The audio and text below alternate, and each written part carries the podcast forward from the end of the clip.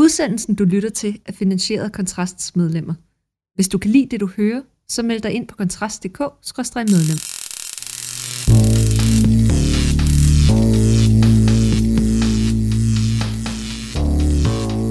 Hvordan skaber man et liv, som giver værdi og som giver mening?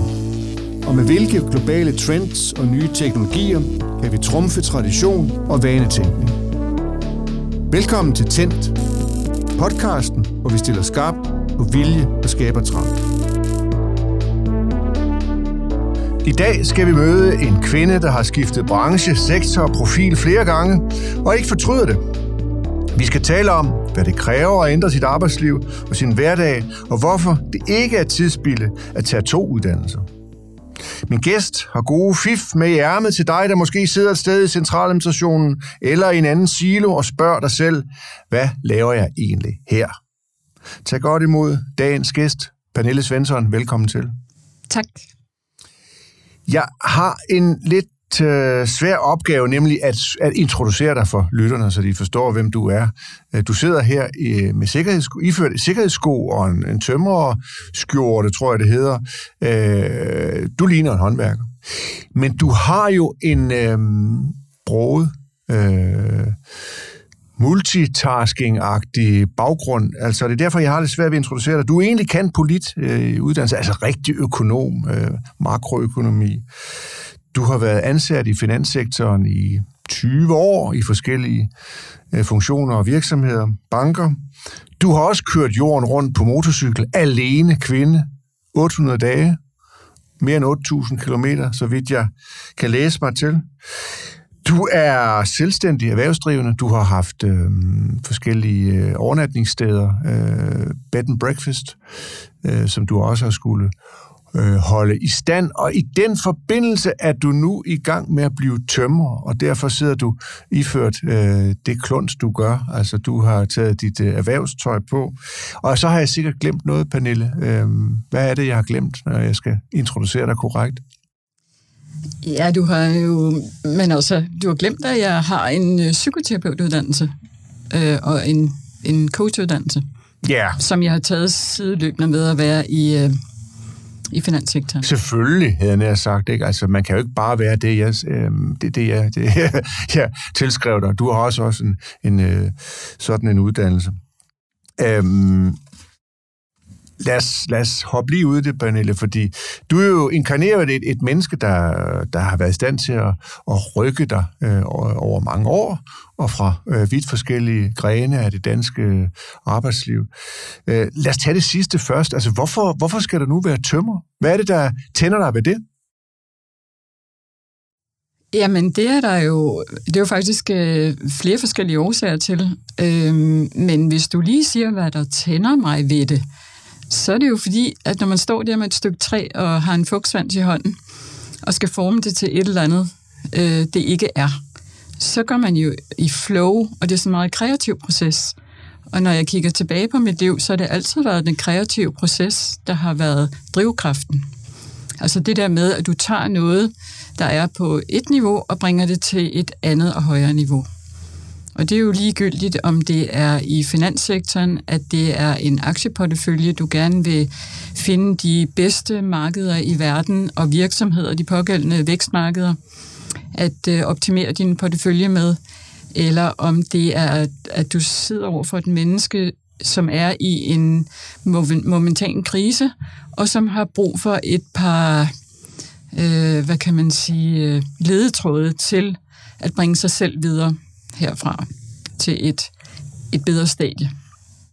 Så det er det samme, det er det samme proces, altså at du kalder det at bringe noget fra et niveau til, til noget andet. Det er den samme proces, du ser genspejle de forskellige funktioner, du har haft i dit arbejdsliv. Altså det er det her med at, øh, at øh, være øh, løsningsorienteret, at skabe en positiv forandring. Og det er den der forandringsproces, jeg synes er enormt spændende. Øh, det starter jo altid med, med en eller anden problematik. Min første problematik, da jeg stod øh, og skulle vælge retning, det var, at øh, det stak i alle retninger. Jeg ville, øh, dengang jeg skulle vælge uddannelse, der ville jeg enten have været øh, økonom, eller psykolog, eller journalist. Og øh, der valgte du det rigtige, vil jeg sige, ved at blive økonom. Jamen, jeg valgte det, jeg, jeg, jeg tænkte, jeg ville have sværest ved at, at bringe mig selv hen til. Okay, altså det der, der var sværest, at de fleste vil jo sådan, af bekvemmelighedsmæssige grunde vælge det, man har umiddelbart in, altså, intuitivt nemmest ved. Altså, det er ikke sådan, jeg tænker. Jeg Nej. tænker, at man skal vælge det øverste, den øverste hylde, man kan nå hver gang man laver noget. det er ambitiøst mål, og det er også derfor, du nu griber til øh, et traditionelt mandefag, som det at blive tømrer. Bortset fra, at du er tændt af at stå med materialerne og, og, og, og skære i dem. Jamen, det startede også med et problem, øh, mm. jeg skulle have løst. Fordi jeg stod pludselig med min... Øh, med min gård, der skulle renoveres øh, fra ende til anden nærmest, og min far var tømmer, og en rigtig dygtig en af slagsen, øh, over i det snekermæssige finish også.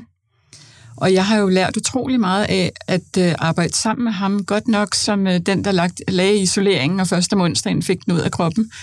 øh, men, øh, men også den, der bare trillebørn, og i det hele taget overvåget alle de her processer, så jeg har altid troet på, at man kunne sætte en kvist til, eller lave en lysning og et ovenlysvindue, og rive en kælder øh, alt organisk materiale ud af en kælder og få den spidset til, til noget fornuftigt. Det har jeg altid troet på. Men da jeg de sidste 10 år efter jeg trådte ud af finanssektoren har skulle løse en hel masse af de her problematikker, så må jeg sige, at det er rigtig, rigtig svært at have en, øh, en, øh, et behov som privat for at få løst sine håndværkeropgaver i en meget lang øh, højkonjunktur.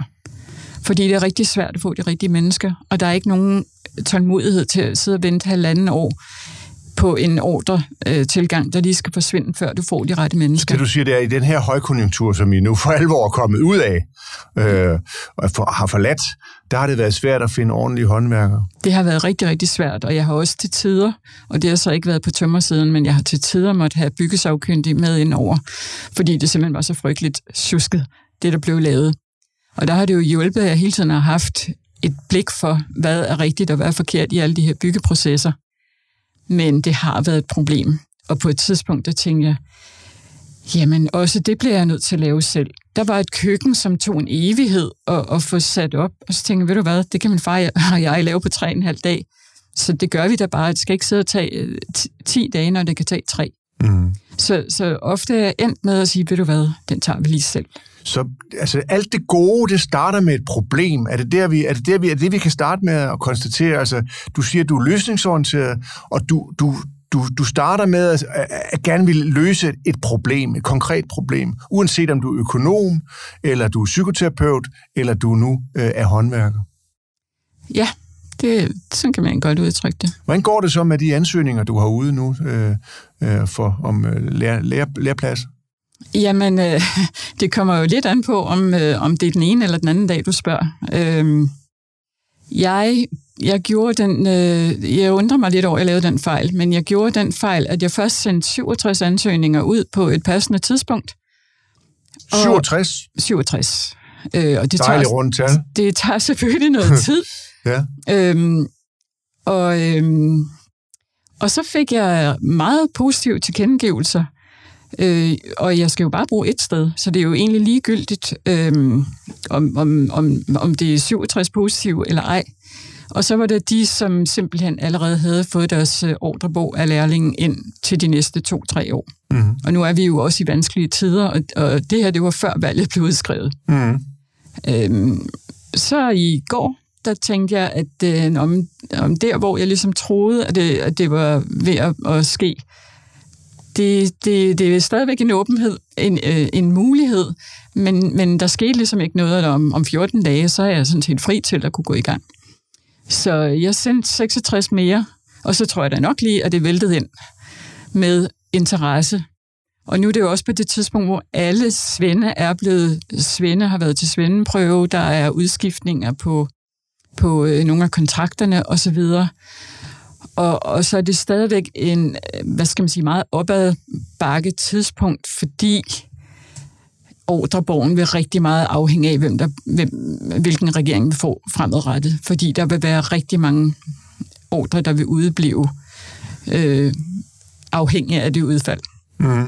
Øh, så så det, er, det er vanskelige tider, men man kan også sige, at jeg er lidt heldig, fordi jeg er sådan meget taknemmelig for, at jeg overhovedet er landet i noget, hvor det kan være så sjovt. Altså det er da nogle af de, et af de sjovere øh, idéer, jeg har fået i nyere tid. ja, du har fået nogle stykker, må man sige, når man kigger ned over dit CV. Øh, du er jo også fortaler for, at man sagtens kan tage op til flere uddannelser. Hvorfor det? Altså meget, meget tidligt, og det var nok, fordi jeg selv øh, var interesseret i mange retninger. Der gik det op for mig, at i løbet af et langt liv, der er det nødvendigt at kunne omstille sig. Det samfund, vi havde, da vi voksede op, det er jo, altså vores børns opvækst er jo, er jo øh, milevidt fra vores egen opvækst. Og alene der, der er der simpelthen nogle ting, de har svært ved, og der er nogle ting, de er rigtig, rigtig gode til. Mm-hmm. Og det mærker jeg lige nu i min egen uddannelse, at jeg kan se, at corona har, har haft en rigtig øh, negativ effekt på unge, der er blevet meget desorienteret i deres måde at gribe livet på. De har siddet hjemme i gymnasietiden eller i de sidste år i, i folkeskolen, så det er rigtig, rigtig svært at fange an til at skabe et fokus i deres liv igen. Så der, der ligger en meget stor opgave i, at vi får inspireret de unge mennesker igen til, at de kan, hvad de vil. Da jeg søgte ind på tømmerskolen, der var jeg ligesom, jamen alle kommer ind, og så tænkte jeg, det kan da ikke være alle. Min far var virkelig dygtig, mm. men, men det var alle, og så tænkte jeg, så kan jeg jo i hvert fald sikre, at jeg bliver en styrke og ikke en, ikke en byrde. Og derudover så betaler jeg min egen uddannelse selv. Jeg er ikke på nogen SU eller på nogen måde. Det var jeg heller ikke, øh, da jeg blev kendt polit, og det var jeg heller ikke, da jeg blev psykoterapeut. Så, så jeg har ikke på den måde nogen grundlag for at sidde og have dårlig samvittighed. Men, men, øh, men det var bare fantastisk, at man kunne sidde og have den mulighed. Mm. Og der kan man godt se, at, at øh, båndene strammer lidt nu her. Men det skal bare ikke forhindre nogen i at gå i gang. Jeg synes, når jeg kigger omkring, så er der jo flere, der øh, når de er 20'erne, så tænker jeg, nej, nu er jeg allerede, nu har jeg mistet tre år efter gymnasiet, eller i 40'erne, ja, det blev jo så ikke til mere, så nu må jeg bare være der, hvor jeg er. Eller du har mistet jobbet, og du er oppe i 50'erne, og jeg tænker, at, øh, at øh, det er jo kun øjnene, der ser, men man er i hvert fald nødt til selv at tro på det. Mm. Så øh, don't let small things get in the way. Nej, og det er et godt motto, Pernille, men, men øh, når nu øh, folk siger, som de gør, så kunne det jo hænge lidt sammen med, at det danske arbejdsmarked, sikkert også så mange andre arbejdsmarkeder i, i Europa, i høj grad, hvad skal man sige, er defineret af, hvad er fortiden, forstået på den måde, at du får kun et nyt job, øh, hvis, du, hvis det flugter med noget, du har lavet i forvejen. Altså hvis du, du bliver defineret af, hvad du tidligere har lavet, og ret tidligt har lavet, måske dine første to-tre ansættelser, definerer, hvad du, hvad du kan blive senere hen. Men det, er det din oplevelse? Det, det har jeg på fornemmelsen, det ikke er. Øh, jamen, det er faktisk min op- oplevelse af det danske arbejdsmarked. Nu har jeg jo også boet i udlandet. Jeg har boet i Hongkong, jeg har boet i Latinamerika. Og det danske arbejdsmarked er helt exceptionelt rigidt. Hvis du kigger på en sektor som finanssektoren, som hele tiden er under forandring, hvor du hele tiden skal forholde dig øh, til de næste nyheder i, i en række økonomiske parametre og politiske agendaer, så kan man se mange andre steder, der kan du godt komme ind med en bachelor i historie og blive analytiker Øh, det kan du i London for eksempel. Du kan også godt komme som, som kvinde tilbage fra din barsel og få mere i løn, bare fordi du har været på barsel, for at stimulere dig til at komme tilbage øh, i, i finanssektoren, fordi de udmærket er klar over, at det kræver en ekstraordinær indsats, også med de timer, du skal lægge i det. Sådan er det ikke i Danmark. Der, der forestiller man sig ikke, at du kan lave øh, ret meget andet, end, end det, du har gjort hidtil. Mm. Og der kan jo være et behov for, hvis du har mindre børn, at skrue lidt ned og, og, øh, og have en anden type job. Jeg har prøvet det, øh, mens at, øh, jeg selv havde, havde små børn, at finde en rolle, der ikke krævede for det første en, en løn, hvor at, øh, at du bare sætter de timer ind, der skal til, uanset om det er til klokken midnat. Øh, og, og for det andet, at de ikke frygter, når man, øh, så, så er du overkvalificeret, så kan vi ikke have dig. Og, og øhm, altså, jeg har egentlig bare valgt at se bort fra det, fordi vi kan ikke bruge det til noget. Vi kan simpelthen ikke bruge til noget at sidde og tænke konformt på et tidspunkt, hvor der er sådan en massiv udvikling på teknologier og alt muligt. Og det var egentlig det, jeg også gerne ville frem til før. Det var godt nok, at de unge desorienterede, men med de rette lærerkræfter. Og der har vi haft en på teknisk skole her på det seneste, som i den grad har formået at tænde lyset på unge mennesker, som man, man ville have forsvoret nogensinde ville fange an. Og det, som man lykkes, det synes jeg er ret fantastisk. Det er en lærer på... på det er en lærer på den tekniske skole, øh, som, som jeg går på i ja, Roskilde nu, ja, ikke? Ja. Og, øh, og jeg kan også se på mine egne unger, at det de, det, de kan med en computer, det, det er vi andre simpelthen nødt, nødt til at adoptere. Altså, øh, Hvis for, vi kan? Øh, jamen, der vil jeg sige, det er vi simpelthen nødt til. Altså, så må det tage lidt længere tid, om, hvis det er det, der skal til.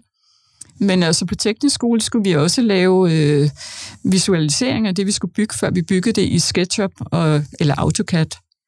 Øh, og rigtig mange af de byggerier, som, øh, som du ser forskellige sociale medier, de eksisterer slet ikke. De er bare lavet så raffineret med systemer i dag, der er lagt ind over en SketchUp eller en AutoCAD, så det ligner nøjagtigt med lysindfald og det hele, at det her hus, der er bygget, og der bor nogen i det.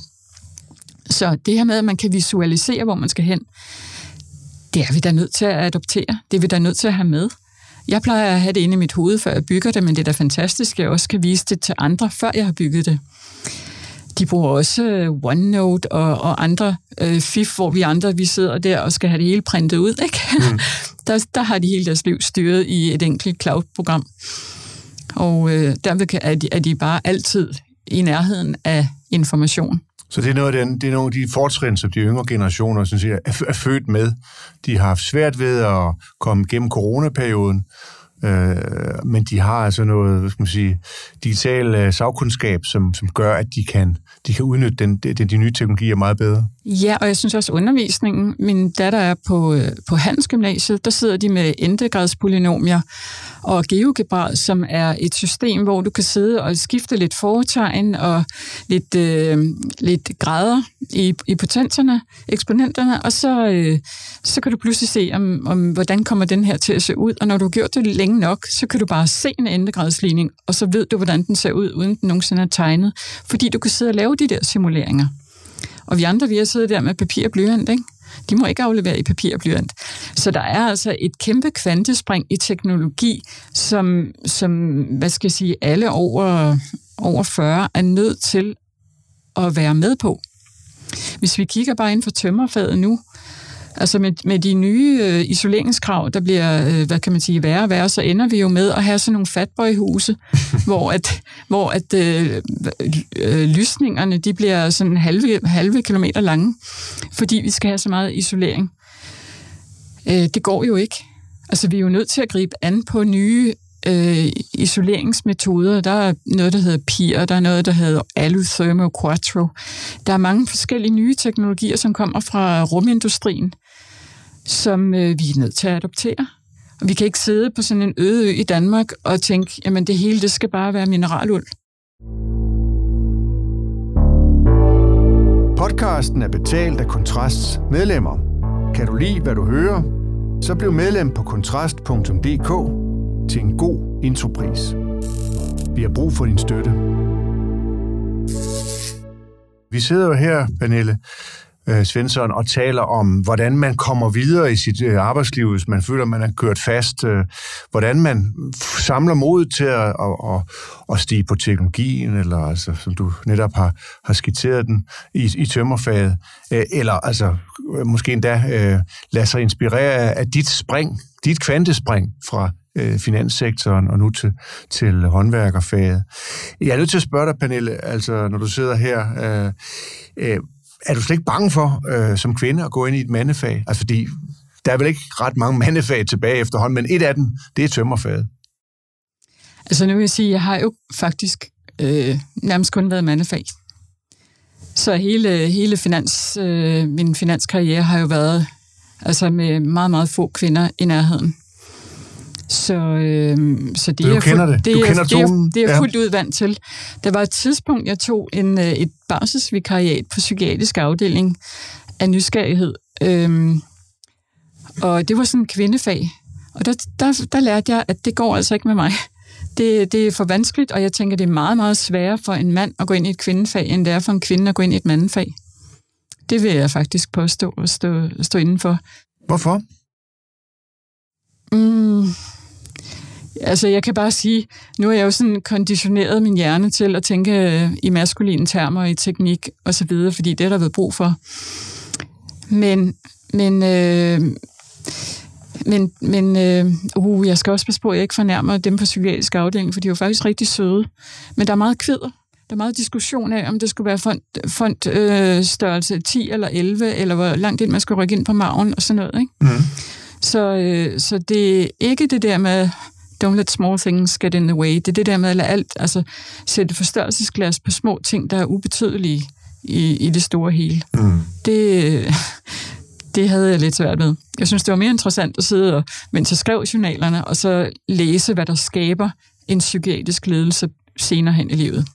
Pernille, nu sagde du, at du har ren nysgerrighed lige ville se, hvordan der var på en psykiatrisk øh, afdeling.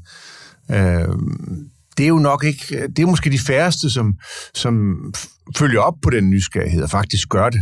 Altså, kan du se, hvor jeg vil hen? Altså, det er som om, at der er ikke så langt fra idé til handling for sådan en som dig. Altså, det kan godt være, at de nogle gange ser impulsivt ud.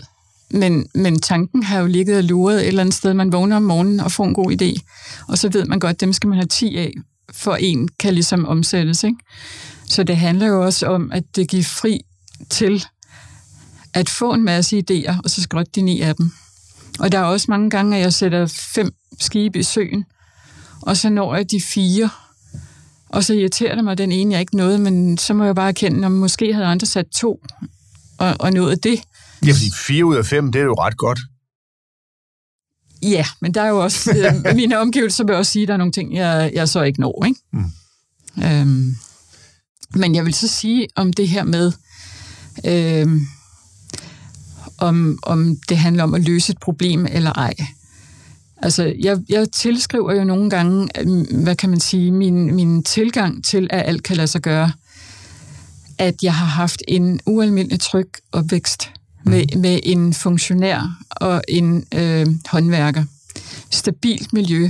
Der var tid, når man havde fri, så havde man fri. Øh, det eksisterer jo ikke længere. Altså, jeg har kun selv haft jobs, hvor det var flydende, og, og, og, og der var ikke nogen bagkant. Øh, især som selvstændig har der ikke engang været en weekend. Der har man også arbejdet i syv dage i ugen. Ikke? Men, øh, så det vil, det vil jeg glæde mig til, at jeg kommer til kun at måske arbejde fem dage i ugen. Men, men øh, al den tryghed har jo gjort, at jeg har tur at gå ud og se, hvor ligger kanten af, af min egen formåen. Altså, hvor ligger kanten af det lade sig gørlige der er en eller anden forpligtelse til, og det er ikke noget, jeg blev tilskyndet til hjemmefra, men det har jeg måske bare indirekte fået, fordi jeg følte mig tryg i, i hjemmet. Til at finde ud af, hvor den kant var. Hvor langt kunne jeg gå med, med de brikker, nu, der nogle gange var rygt med. Og, og det har jo ført mig alle mulige steder hen. Så, så jeg, jeg drømmer om en dag at være en vis øh, 80-årig, der ligesom kan snakke med på alle planer, har forstået, hvordan man bygger en, et, et samfund, hvordan man bygger et hus, hvordan en hjerne er indrettet, også når den ikke tænker, som jeg selv gør. Så, så det er nok endemålet. Men for nuværende, der er det lige så meget det der med, at, øh, at, at klæde, altså det har været meget, øh, hvad, hvad kan man sige, der er jo 300.000, der, der er 3, 300.000 små virksomheder i Danmark, hvor rigtig mange har været hårdt ramt af restriktioner under corona. Og mange af de her, skal man ikke glemme, de har faktisk haft en indtægt, de her ejerledere, der har, der har ligget under dagpenge. Og når, når man trækker gulv, øh, tæppet væk under dem, så står man jo med en masse mennesker, der har en drivkraft, mm, men de har ikke længere noget at have den i. Og, øhm, og der tror jeg, at det her med, øh, jeg også, jeg kigger mig omkring og siger, at der er et problem med tagrammen, der mangler vindskeder, der er det ene og det andet, der skal snart skiftes tag. Jeg tænker, ved du hvad, jeg kan om ikke andet klare mine egne problemer. Om alt går galt, så kan jeg bare bygge det selv. Øh, så, så det giver også en eller anden form for, det er godt, at man skal tænke større, og, og det vil jeg også gerne tænke i hampisolering og, og bæredygtigt byggeri og og øh, i det hele taget på en gang at løse øh, lidt større øh, globale problemer, mens vi er her. Øh, ud fra et miniput-land øh, som Danmark. Men i hvert fald, så bliver man aldrig i, i stand til at kede sig.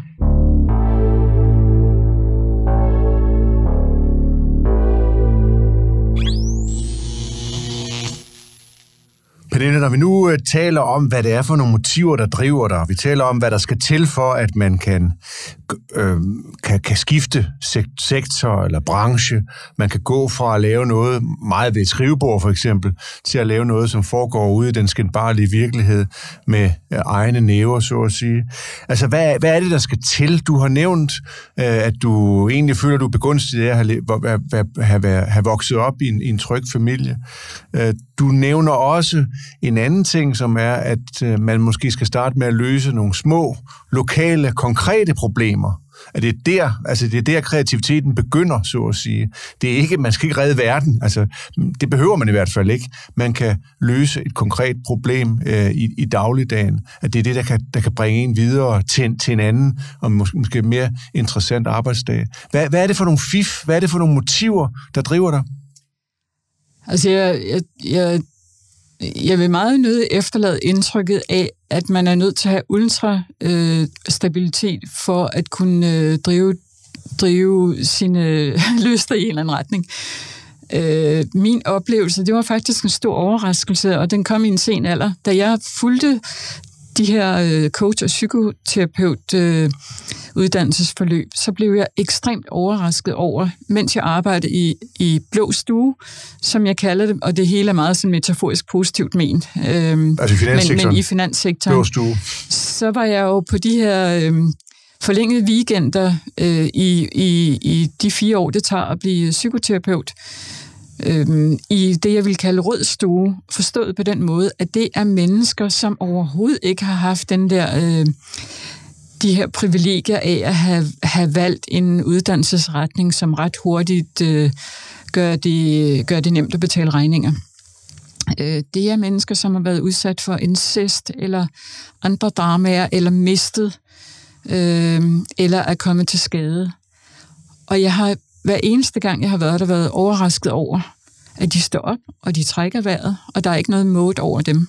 De er enormt ressourcefulde. Og det, det, jeg er glad for, at du lige nævner det, fordi det er fuldstændig ligegyldigt, hvad forudsætninger du har. Men hvis du starter med de sko, små skridt, der lykkes, så vil der være flere af dem undervejs.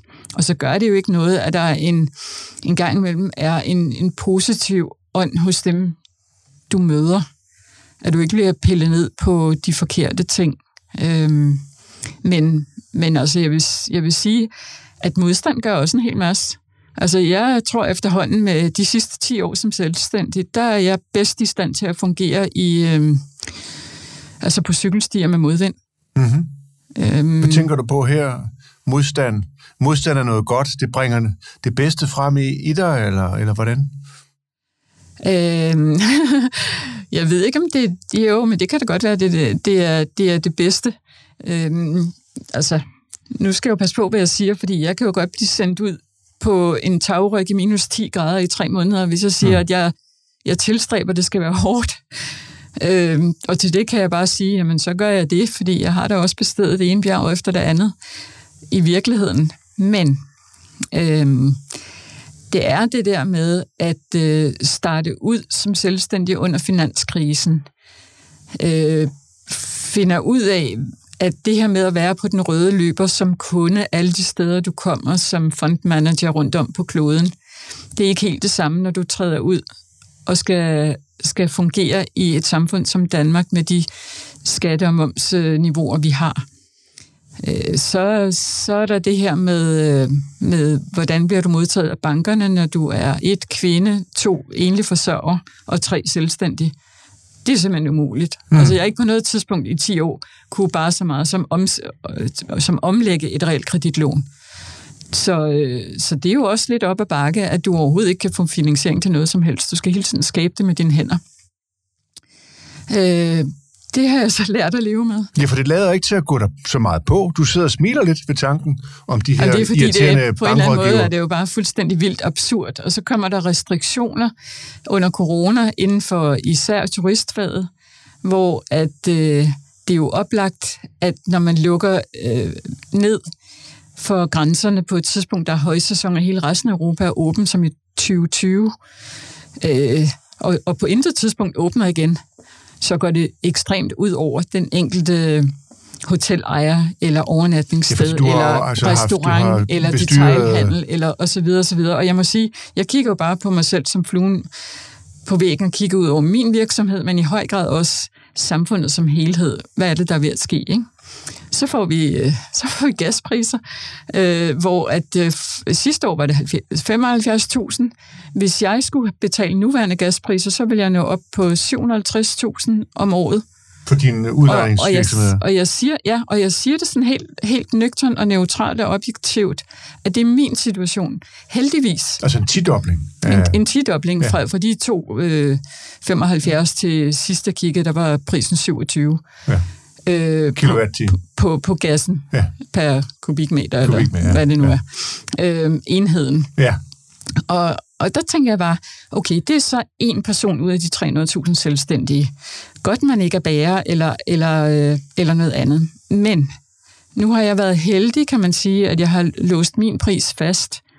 Men jeg kan bare ikke se, hvordan samfundet kan fremadrettet fungere ved, at man, øh, at man giver en afgiftsnedsættelse på fire øre eller et eller andet. Altså det er helt irrelevant. Og det, der undrer mig rigtig meget lige nu under, valg, øh, under alle de her valgdebatter, det er, at der ikke er en eneste, der har sagt, at øh, når nu prisen stiger så mange, mangefoldigt, både på el og på gas, skulle man så ikke rykke lidt ved, at, regere, eller at staten så tjener også det otte dobbelte eller femdobbelte ind i moms?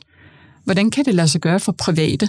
Altså virksomheder kan trække det fra, men, men private, der får den her stigning, det, det er jo helt absurd, at staten skal sidde og, og, og faktisk fungere ligesom elselskaberne og kunne få overnormale profitter, bare på, at, at gasprisen et andet sted i verden stiger. De penge, så kan man sidde og fordele dem ud i små, i små checks. Altså, mm. Så det, det undrer mig, at vi ikke har flere Jeg tror, vi økonomer. har et emne til en helt uh, separat uh, podcast om, om, om statens evne til at tjene på krisen. Men, men nu siger du også bare det her, men om Ja. der er forskellige ting, øh, ja. som, som, er, som øh, hvad skal man sige, giver meget brede skuldre. Så, øh, så ja, altså, Så den der modgang, den er altså med til at drive, øh, og du, så henter du en jeg ny får energi. faktisk en energi af det. Ja. Altså, øh, jeg synes ikke, at man skal anbefale at, at give folk den der energi, fordi på et eller andet tidspunkt, så kommer det jo over, og så bliver folk apatiske. Og der tænker jeg bare, at jeg skal lige skynde mig, inden jeg når dertil. Så det er ikke altså, rigdom og status og, og sølvskeen i munden. Det er ikke den, der gør en iværksætter, som kan skifte fra forskellige brancher og, og, og tage flere uddannelser og køre, køre kloden rundt på motorcykel for derefter at arbejde i finanssektoren og så blive, blive tømmer. Det, det er en anden indre øh, mobilisering af energi eller en kanalisering af modgang over i, i drive. Jeg er lidt nysgerrig efter, hvad, hvad, hvad, hvad den kobling, hvad den er. Altså, Øh, er der nogle øjeblikke, er det nogle bestemte oplevelser, der i dit tilfælde har gjort, at du kunne, øh, du kunne vende den der modgang til, til ny energi? øh, det... Nu, nu skal jeg ligesom sidde og rode. Øh, Du nævnte jo det her med, at, at du var simpelthen forbløffet over, hvor mange dårlige håndværkere der var. ja. Øh, Du havde udlejning, du havde overnattende gæster, øh, du skulle jo overleve som erhvervsdrivende, øh, så må du fandme bygge det køkken selv, eller renovere den gård, eller hvad det nu var. Jamen, det tror jeg er et, altså det, det er sådan et gen, som øh, det enkelte menneske udvikler lidt hen ad vejen. I, i, altså, jeg, jeg, alle mennesker, altså i alle øvrige lande, eller, altså det, jeg mener bare, det er en, en del af den menneskelige psyke, det der med, og vi har alle sammen en indre byggemand Bob i os. Altså, Byggemand vi, Bob, ja. vi vil simpelthen gerne kunne selv, Ja. og ville selv. Ja. Det er tilfredsstillende i sig selv. Ja, og, og jeg har den der nysgerrighed på viden og på at, at kunne selv. Altså, jeg, jeg kan ikke så godt øh, øh, gå i, i, i tomgang, men det er ikke det samme som, at jeg ikke laver trivia i mange timer om dagen. Altså, øh, hvis det er det, der skal til. Trivia, hvad tænker du på det? Trivia, altså... Trivielt arbejde. Trivielt arbejde, noget, mm. noget innoverende. Øh, Montage. montage for eksempel, det kunne jo, altså det, det kunne jo sagtens være. Det kan vi jo alle sammen. Mm. Vi har jo stadigvæk vores frie tanker, mens vi gør det. Mm. Så det, det kan man også gå i flow over, at lave noget, man ikke skal tænke over, mens man gør det. Så er der sådan en faktor som held. Spiller den ind? Har du været heldig? Ja, det synes jeg, med vilje. Altså, jeg mener ikke, man nødvendigvis er udstyret med held, uden at opsøge det. Nej. Så det handler faktisk rigtig meget om at opsøge heldet.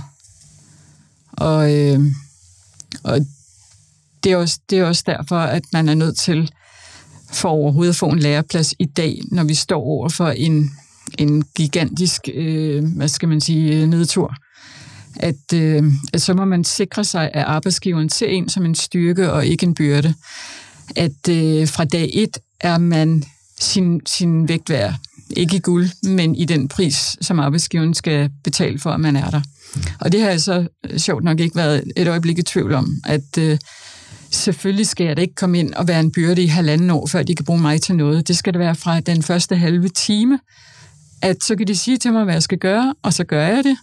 Og øh, lynhurtigt så finder jeg jo også ud af, at øh, altså, det har jeg i hvert fald fundet ud af øh, hidtil på skolen, at øh, der findes jo opskrifter, man skal bare følge dem. Og så, så ved man, øh, hvordan man skal bygge. Så øh, det handler bare om ikke at lave for store ulykker, at man ikke koster arbejdsgiveren noget, mm, nogle materialer, som man har fejlet med, eller, eller altså komme til skade med, eller noget øh, i utid. Tænke sig rigtig, rigtig godt om, hvordan man bruger maskinerne, og sætter sine hænder, og stille sig nogle regler meget hurtigt for, hvor tæt man, man overhovedet komme på, på øh, en rundsav, øh, inden man stiller sig foran den første gang. Fordi de første principper, der gør, om, om man har alle lemmer i behold mm. sidenhen.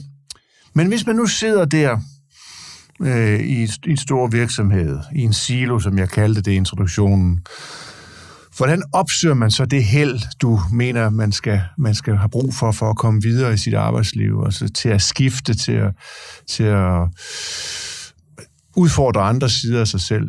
Du har jo hele tiden været optaget af at lave noget, som var svært. Mange mennesker tænker modsat. De vil egentlig gerne lave noget, de har nemt ved. Øh, jamen, jeg kigger jo også rundt på samfundet og siger, hvad er der brug for? Altså, jeg havde jo faktisk en virksomhed, hvor jeg skulle lære kvinder op i at investere i aktier, og jeg var også i gang med at lave mine øh, første kurser. Men øh, jeg kigger på aktiemarkedet, og jeg sidder og laver nogle screeninger, og jeg tænker bare, jeg vil ikke sidde i, i, i et område, hvor at jeg skal kigge på, at folk mister deres skjorte de næste fire år og så er jeg instrumental til at sige, at nu skal I bare gøre sådan og investere i aktier. Øhm, man kan godt shorte, men det kan jeg så ikke anbefale private at gøre, så derfor, derfor ønskede jeg ikke at være i det felt overhovedet. Hvorimod der er altså altid, og vi har jo en kæmpe backlog af, af opgaver i den private sektor, som ikke andet, så vil der være rigtig mange private, der har brug for isolering Altså hele energiområdet bliver jo et kæmpe, kæmpe område fremadrettet. Ikke? Mm. Bevæge sig hen et sted, hvor der er brug for en. Altså det, det synes jeg ikke, øh, det kræver måske en weekend i Sverige eller et eller andet, et eller andet sted, hvor man er helt uden for de nogen som helst øh, påvirkning. En weekend i Sverige, ja, det lyder tænker, dog modbydeligt. ja, jeg tænker, at man skal tage en weekend i Sverige i sit eget selskab. Altså en hytte vi... Sammen med en el og sådan? Ja, for ja. eksempel. Altså et eller andet sted, hvor man ikke kan blive påvirket af andet end papir og blyant. Og så skal man bare drømme det største, man kan. Og så kan det godt være, at nogen vil sige, at det her med at blive tømmer ikke er det største, men for mig er det det fedeste. Øhm, og så bare tænke, hvis jeg kan få tanken, så kan jeg selvfølgelig også eksekvere på den. Så man skal, altså i stedet for at sidde og dagdrømme, hvad, hvad kunne jeg godt tænke mig, så skal man lige øh, stikke en finger øh, op og mærke efter, hvilken vej vinden blæser, og se, hvad er der brug for i samfundet? Nej, det synes jeg er ret vigtigt. Ja. Fordi det er sådan, man opsøger heldet. Øh, altså, man går derhen, hvor der, hvor der er noget aktivitet, hvor der er en, altså, en ny teknologi, eller altså, en, et nyt drive. Du nævner selv energisektoren som et felt, øh, hvor det, det er vi simpelthen tvunget til, altså, fordi vi kommer alle sammen til at fryse til vinter. Yeah. Eller de næste mange vintre. Så det er, det er, vi er ikke ude i sådan, et, øh, sådan en, en, altså en dagdrømmer, der går rundt og, og fabulerer sig frem til, nu vil jeg også være filosof. Altså, det, det er ikke løsrevet fra virkeligheden, det vi taler om her. Altså, evnen til at, at skifte branche er knyttet til, øh, hvad der ellers sker i samfundet. Ja, jeg synes, det er, det, det er vigtigt at, at kigge sig omkring og så, og, og så se på, hvor er det, det her bærer hen. Øhm, og vi kan jo se, at der er en hel masse ting, der rykker sig voldsomt også i forbindelse med, om vi skal spise kød eller ikke spise kød, øh, og, og så videre. Det, det er ret ufatteligt, hvordan den her energikrise har rykket på mentaliteten i alle dele af samfundet. Så, så der er vi jo nødt til at tænke ind, at det vi skal bidrage med, det også er noget, der er et behov for. Men jeg tror, at øh, i den menneskelige psyke, der er en af de der øh, rigtig store parametre for at øh, have mening i livet, det er det der med at kontribuere, at bidrage og blive mødt med øh, altså en eller anden form for anerkendelse, fordi anerkendelse er nok noget af det mest undervurderet, øh, både inden for hjemmets fire væg, men også øh, generelt i samfundet. Så hvis vi, kan, hvis vi kan alle sammen tænke ind i, at uddele anerkendelse i større grad end, end hidtil, og samtidig også øh, tænke ind, hvor, hvor kan vi så opnå en, øh, at bidrage mest. Og så tænker jeg bare, så ved du jo godt som, øh, som forældre, at hvis der er noget, vi ikke får, så er det anerkendelse. Altså, mm. det, det er jo sådan en, voksen, en voksens lod, yeah. ikke at få anerkendelse. Så må vi jo finde det selv, kan man sige. ikke? Og så ser man på det der, man har bygget og tænkt, at det gik da egentlig meget godt. Og resten rører i brændeovnen, ikke? Mm. Pernille, vi har tidligere i den her serie podcast øh, øh, interesseret for et emne, der hedder quiet quitting. Og det er ikke for, at du skal blive hørt i det, men du har sikkert øh, stiftet bekendtskab med det begreb der. Og der havde vi Dennis Nørmark i studiet, antropologen Dennis Nørmark, som, som egentlig advarede lidt imod, at man, øh, hvis man sidder et sted, hvor man øh, egentlig ikke er tilfreds, og man ikke finder øh, mening i sit, sit arbejdsfunktion, sin, sin opgave, sit arbejde hele taget, at man så ligesom forsøger at gå under radaren. Det vil han godt advare imod. Altså han synes simpelthen, at man skal tage tyren, tyren ved hornene, og så finde et andet arbejde, eller finde mening i dele af sit arbejde. Altså øh, quiet quitting, altså at man stille og roligt er i gang med at sige op med, uden at man gør det. Altså man gør det uden omkostninger, man har stadigvæk sin, sin månedsløn, men man har egentlig sagt op. Mentalt er man fraværende på arbejdspladsen. Det er der måske nogle mennesker, som kan ikke genkende til. Jeg har da i perioder haft det sådan. Men hvordan har du det med det? Altså hvis vi skal bruge det begreb quiet quitting, er du enig med, at, øh, at, at det ikke er en vej ud af den der meningsløshed? Altså, jeg har, lidt, jeg har på en måde lidt svært ved at genkende det, fordi øh, jeg vil ikke blive siddende et sted, hvor at jeg øh, fandt, at etikken var øh, uholdbar, eller chefen var dum, eller den opgave, vi havde, der skulle løses, ikke gav mening, eller noget, så vil jeg øh, reorientere og kigge på noget, som jeg gerne ville, og, og så gå i den retning. Men jeg kan godt se nogle gange, at øh, der er mange, der sidder i et guldbord, hvor jamen, der er den faste hyre, og de er egentlig lidt bange for at give slip på den. Og, og der vil jeg sige, vi, vi er i et samfund, hvor vi har rigtig mange selvstændige, men de er altså også ved at blive, øh, hvad skal man sige, udmagret. Så jeg kan ikke anbefale, at man sidder i et udmærket fast øh, job, og så hopper ud og skal være øh, massør eller øh, coach, eller øh, altså en eller anden opgave, hvor at der ikke allerede er en kundekreds. Jeg kan faktisk ikke anbefale, at man går min vej og springer ud som selvstændig på nuværende tidspunkt.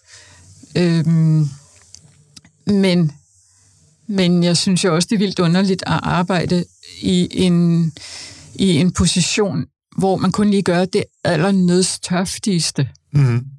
Altså, det, øh, det giver jo ikke nogen mening for mig, men øh, det giver jo næppe heller mening for de, som er i situationen, der må man tage tyren ved hornene, tale med arbejdsgiveren at finde ud af, hvordan man kan skabe den mening. For jeg tror også, der er mange arbejdsgivere, der glemmer lidt, at det er store fælles formål i at være på arbejdspladsen. Det skal være der, og det skal være der 24-7. Man skal vide, hvorfor man gør noget, hvor man er en lille brik i, i, i en større sammenhæng. Og hvis ikke at det står meget klart, og det er der faktisk mange danske virksomheder, for, for hvem de har glemt, at, at skabe en kultur, hvor alle er klar over, hvor vi er på vej hen, og at det er en, en winning proposition, øh, eller en, hvad skal man sige, en vinderstrategi, så, så mister man jo, så får man måske kun øh, 80 procent af den arbejdskraft, man kunne have det samme menneske. Altså, da jeg tog til Hongkong, jeg synes, jeg arbejdede 1.500 procent. Og, og jeg kan godt komme i tanke om uh, tidspunkter tilbage i Danmark, hvor at jeg forud for måske havde arbejdet 75 procent i min, sådan, i, i, i min energiniveau, øh, i mit energiniveau.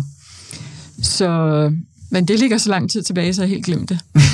Heldigvis. Podcasten er betalt af Kontrasts medlemmer. Kan du lide, hvad du hører? Så bliv medlem på kontrast.dk til en god intropris. Vi har brug for din støtte. Pernille, her til sidst, der skal vi, øh, se vi kan komme, komme, øh, komme, komme øh, løsningen lidt nærmere os. Hvad er det for nogle fif? Hvad er det for nogle, har du nogle gode råd til, hvordan man kommer videre i et stivende arbejdsliv? Vi har jo selvfølgelig været lidt inde på det, og du sagde jo her for et kort øjeblik siden, at, at man skal ikke bare springe blindt ud i selvstændighed, hvis ikke man har en kundekreds, hvis ikke der er en efterspørgsel, hvis ikke, man, altså hvis ikke der er nogen derude, der, der allerede er interesseret i det, man, man kan tilbyde, så er det nok svært. Øhm, er der andre råd, du vil, du vil, øh, du vil komme med? Det jeg gør nogle gange, når jeg, når jeg tænker, at jeg lige skal have styr på planerne, det er, at jeg står en halv time før op. Og så sætter jeg mig i den der øh, famøse sofa og med en kop kaffe og, øh, og lader tankerne flyde ned på et stykke papir med, hvor tingene, hvad kunne man godt tænke sig, hvor skal de bære hen? Hvordan får man system på de her tanker, så de ikke bare ender øh, blindt så hvis man starter med at øh, lige tage en halv time for sig selv, og så finde ud af, okay, hvad vil gøre mig rigtig glad? Sidste år var det at øh, gå til dans. Så, mm. så meldte jeg mig til dans. Øhm, og, øh, altså det, rigtig dans? Rigtig dans, ja. altså hos øh, Jens, Jens ja. Werner det hele. Ja. Og det endte jo med, at øh, jeg måtte jo så sidde stå der med min cha i, i tre gange i træk, og det var rigtig svært at finde en, en, en herre, ja. til det her. Så efter de tre gange, så Men tænker jeg... kan jo ikke danse, det ved vi alle sammen. de kan rigtig godt danse, men, men, men vi fandt bare ikke nogen. Og så tænker jeg, det var rigtig ærgerligt, fordi det er en kæmpe livsglæde i at danse. Øh, tidligere så har jeg meldt mig til floorball, uden at kende noget som helst til floorball. Og jeg siger det egentlig bare for at sige til andre, at at øh, hvis der er et eller andet, man tænker, det kunne da være spændende på, øh, på en aftenskole eller i en sportsgren, jamen hop ind på det, fordi der sidder ofte nogen og mangler medlemmer. Så, øh, og, så, det, og det, giver, giver det noget til dit arbejdsliv?